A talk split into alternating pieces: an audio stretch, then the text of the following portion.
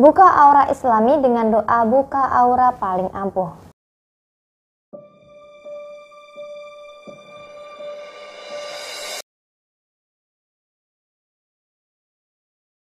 Assalamualaikum warahmatullahi wabarakatuh dan salam bahagia.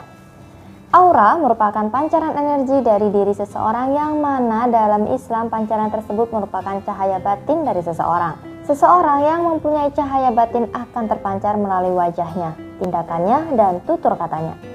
Ada banyak cara untuk meningkatkan daya batin seseorang. Salah satu cara yang cukup umum dilakukan adalah dengan melakukan buka aura islami. Untuk melakukan buka aura islami biasanya dilakukan dengan melakukan laku tirakat tertentu dan menggunakan doa-doa yang kita panjatkan kepada Allah Subhanahu wa taala. Nah, untuk Anda yang ingin melakukan buka aura islami, maka Anda bisa simak video ini sampai selesai. Namun sebelum itu bagi Anda yang belum subscribe, silahkan klik subscribe terlebih dahulu dan klik juga lonceng yang muncul di sebelahnya agar Anda bisa mendapatkan update informasi terbaru dari channel ini.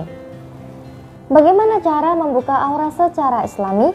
Untuk membuka aura Anda bisa melakukan beberapa hal berikut ini. Yang pertama, menjaga diri dalam keadaan wudhu. Jika karena suatu sebab wudhu Anda batal, maka Anda bisa wudhu kembali. Yang kedua, sholat lima waktu tepat pada waktunya.